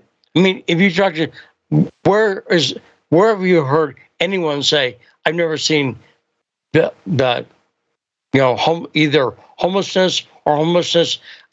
I see some guys that I think uh, are, I I don't know whether to call it homelessness or immigration because I think they're obviously illegal aliens. I'll say that, Rod. Do you know what I'm getting at?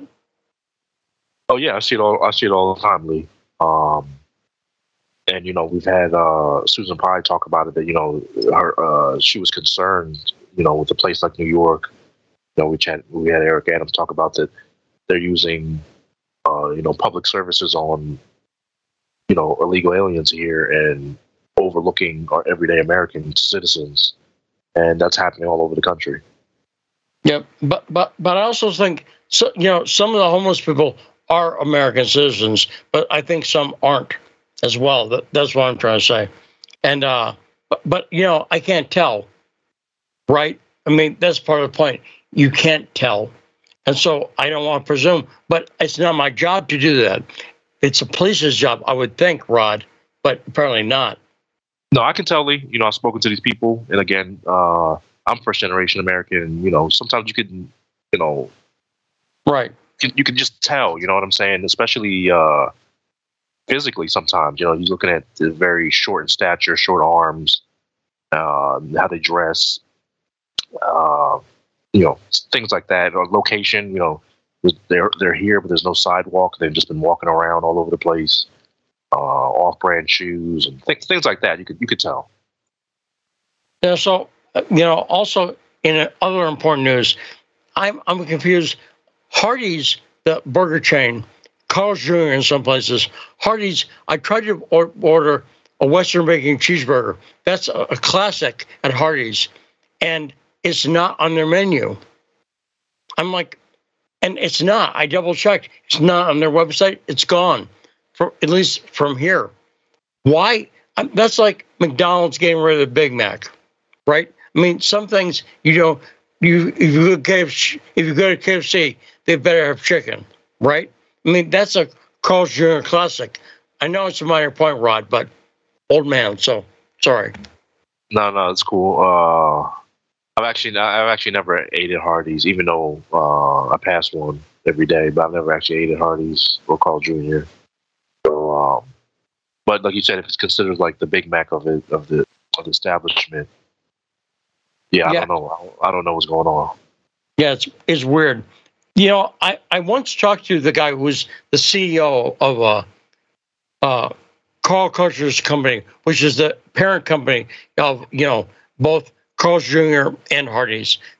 Different, basically the same thing, different names in different parts of the country.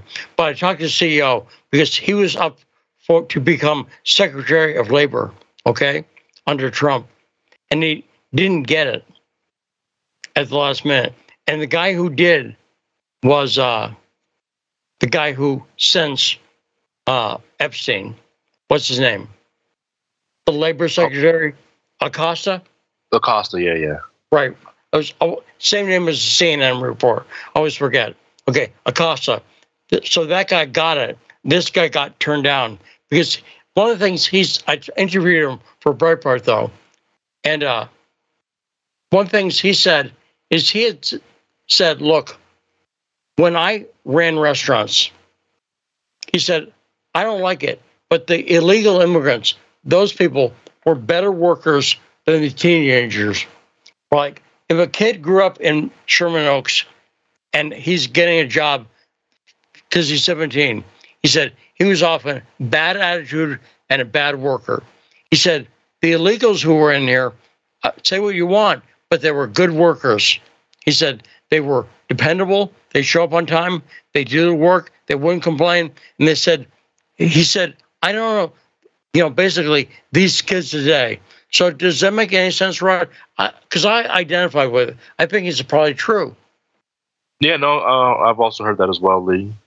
Um, but I also heard, you know, as long as as well goes along, yeah, they're hard workers, but when you mix different country or people from different countries into like let's say a kitchen or something, get uh, culture clashes. Uh, yeah. I've heard that. I've heard that. Like let's say someone's That's from Nicaragua, Nicaragua, the other person's from El Salvador, the other person's from uh, you know Guatemala. You know, you might think, oh, it's going to be a perfect harmony, but no, they might have some some conflict. No, and some real conflict. You know, and so uh, yeah, that is a problem sometimes. But you know, it was interesting talking to a guy who ran restaurants, and a lot of them in California. Carl's Jr. is very big in California, and so I know the labor force they was dealing with because I worked at restaurants, and uh, my experience was the guys who I worked with were great workers, uh, and a lot of times he was right. The kids from like these middle class suburban kids, you know, who don't want to wear a paper hat. Does it make sense, Ron? You know, the baby Hunter Bidens, I'll call them. Yeah, yeah, I know exactly what you're talking about. It's a certain kind of entitlement, right? And Hunter Biden's got a mega dose, but you see on a small scale with some of these, you know, and that occurs to me. That's why I think some of them are so, uh, like woke not really woke, but they're really just nasty teenagers using woke terms. You know, they're pissed off at their parents. And, you know, you know, what are they pissed about? They got a great life. They got everything. But I think they were spoiled. And, you know, that's controversial with some people. But what do you say, Rod? Yeah, no, I, I agree with that. Even people who don't even come from a spoiled background. Lee, uh, a couple of months ago, I, I, don't know why, but I just felt like getting some KFC, and I had the worst customer service, one of the worst customer service yeah. experience. Uh, you know, and it was from someone who, who, you know, should be grateful just to have a job. But so it is what it is.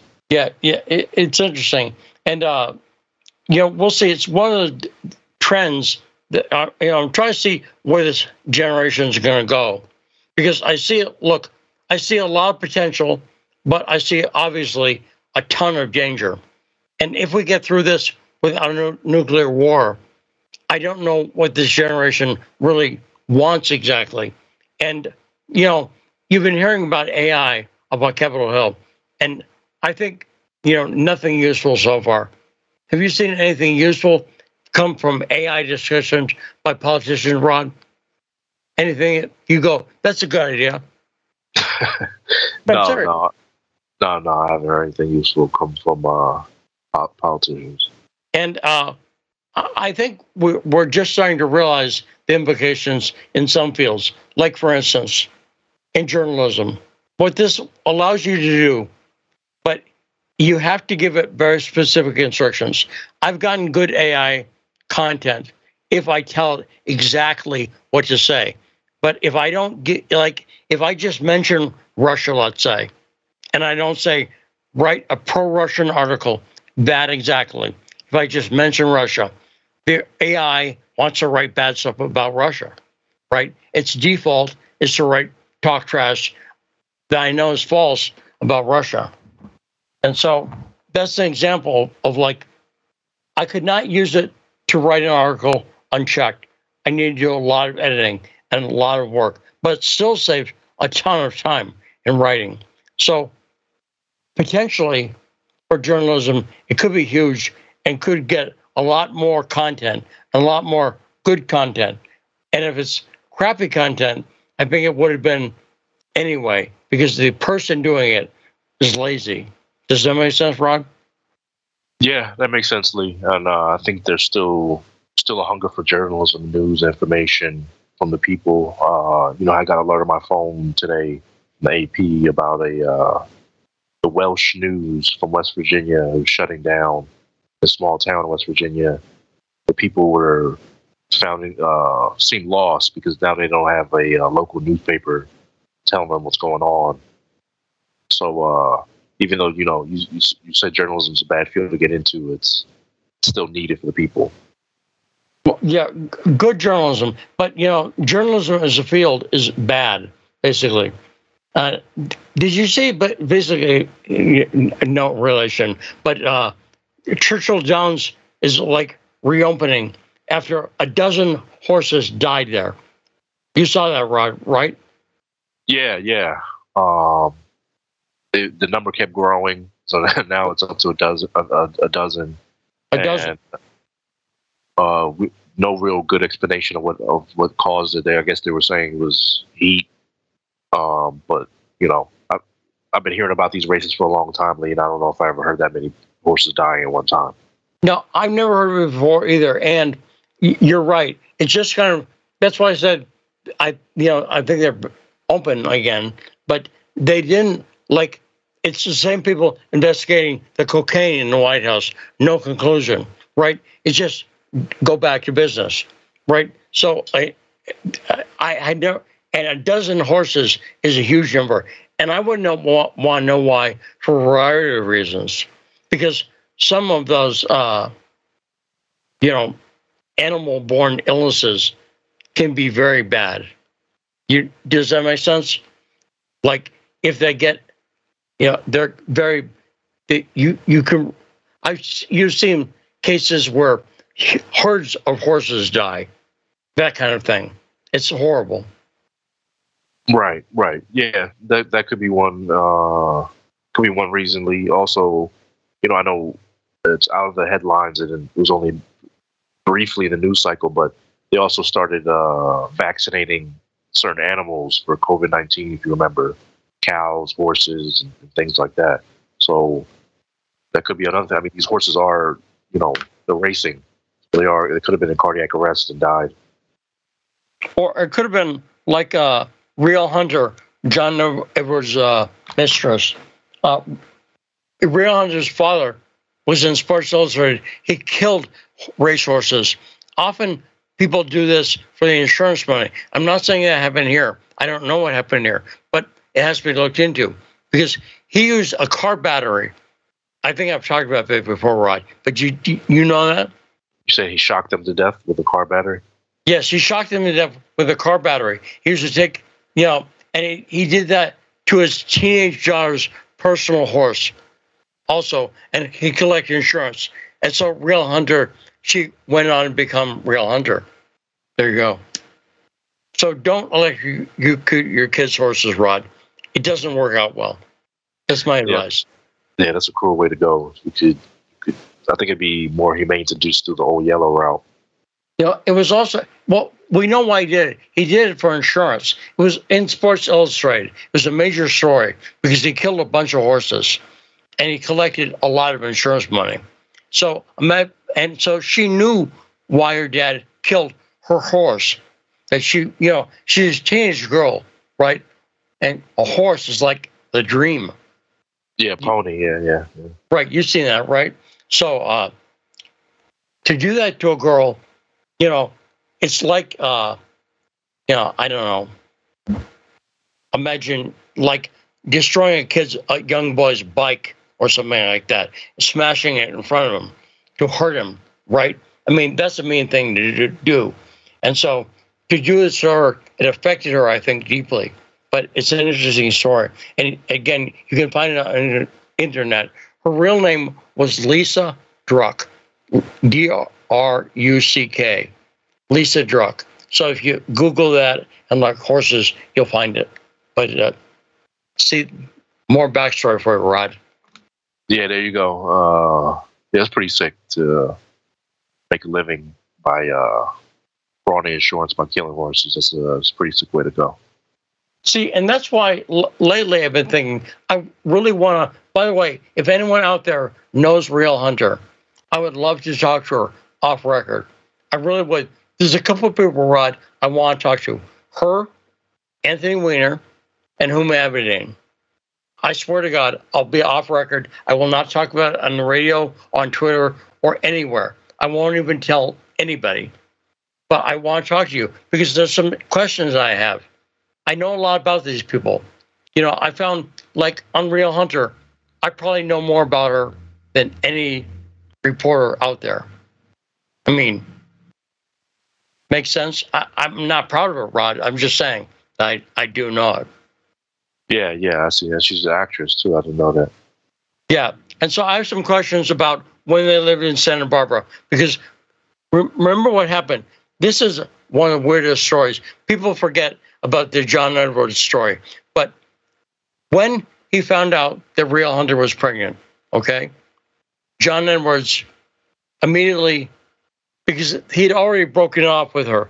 Elizabeth had found out about her before, and he re gotten together with her. So this time would have been it, right? So when he found out she was pregnant, he had a guy who worked for him, an assistant, who was also his friend, take the heat for it, right? So imagine if I got a, a girl pregnant, I said, Rod, say it's yours, okay? And you said, well, wait, wait, wait a second. I've already got a girl. I said, no matter, say it's yours. I swear to God, Rod, John Edwards made a guy who was married and with kids say it was his baby. And then he had them all live together in Santa Barbara. Now, Rod, I I obviously don't know much about girls, right? But I'm guessing that did not go well. In fact, I know some stuff. But what do you think, Rod? Was that a brilliant scheme or what? That might be even more. That might be even more insane than killing horses with a with a car battery. No, it is an amazing story, and you got to remember, Rielle Hunter was pregnant at the time, so she was, you know, and so she was living in a house in Santa Barbara with this woman who her husband was being paid to pretend he got this woman pregnant. Does it make sense? Okay, and she's got kids. So she she's a pregnant woman. She's trying to make conversation.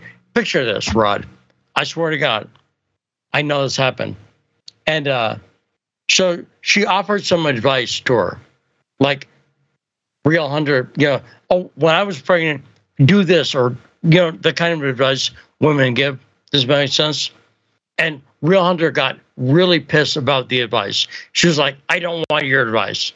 Because think the thing about it, it's embarrassing for her too. It was like a powder keg in that house. You see why I'm so interested in this, Rod? It's kind of fascinating, right? Yeah, no, for, for surely. I think uh, all this to save your political careers.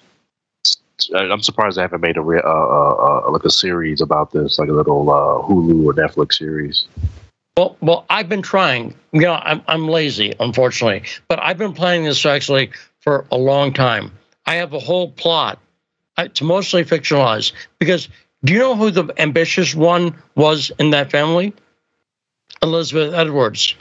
Here's another backstory story for you. Uh, when I was working in Access Hollywood, I was reporting a story at the time. And I was breaking headlines every day in HuffPo, and I had great sources and was really doing reporting. So I went to a producer. And I said, I know I work in graphics, but I write for HuffPo and I'm on the Edwards story. And I went through it all with him. And the producer listened, and it was intent, and he, he got it. So they could have broken the Hunter Biden, I mean, the uh, Elizabeth Edwards, John Edwards story. The Rielle Hunter, the Rielle Hunter part is confusing to me, but uh, they could have broken that. But he looked at me, this producer at Access Hollywood, and told me point blank, he said, we would never run this story. Our audience loves Elizabeth Edwards. Our audience are 18 to 30, 54 year old women, maybe it's 35 to 54. I forget the age range. But he said they love Elizabeth Edwards and they really feel for her having cancer. So he said, We'll never run the story. I believe you, but we'll never run it. Now, what does that tell you? Right. I'm not saying Access Hollywood is a big, you know, but I think it shows a lot about the way journalism works. What do you think, Rod? Yeah, I, yeah, I agree with you, Lee. I definitely, it's uh, journalism is a dirty, dirty business, I guess. Well, you know, I, I you know, I, I understand it to some extent. You know, I wish the people at Bud Light.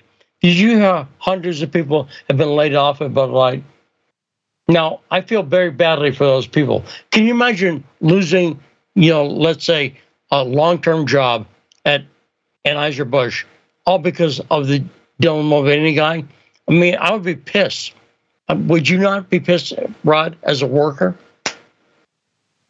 Yeah, yeah. Initially, we, uh, one of the first videos that went viral was a guy delivering Bud Light to a supermarket, and the supermarket pretty much denying him, and he was just like, you know, I got to pay my mortgage, and if you don't take this delivery, it's going to hurt him. And so right. it's not a it's not a good thing to hear that uh, these people are being laid off, but uh, you know, this whole ESG stuff is just, you know, this is the goal. Honestly, is how I see it. Yeah, and and Dylan Mulvaney, of course, showed sympathy for himself. You know, this is all about him, but really, hundreds of people out of work. That's bad. And again, I you know, I'm glad Anheuser Busch suffered. I'm glad the Bud Light brand suffered, but I'm not happy that those people suffered. Does it make sense, Rod? Yeah, for sure. Because uh, I'm pretty sure a lot of people just going about their going about their job and their career didn't realize this was happening. You know, was being planned behind the scenes. Yeah, but anyway, great show today, Rod. Thanks so much to you, our producer, to our engineer Zach. Thanks to the great Mark Sleboda for a fantastic first hour, and we'll talk to Allison Hayden next time on the backstory.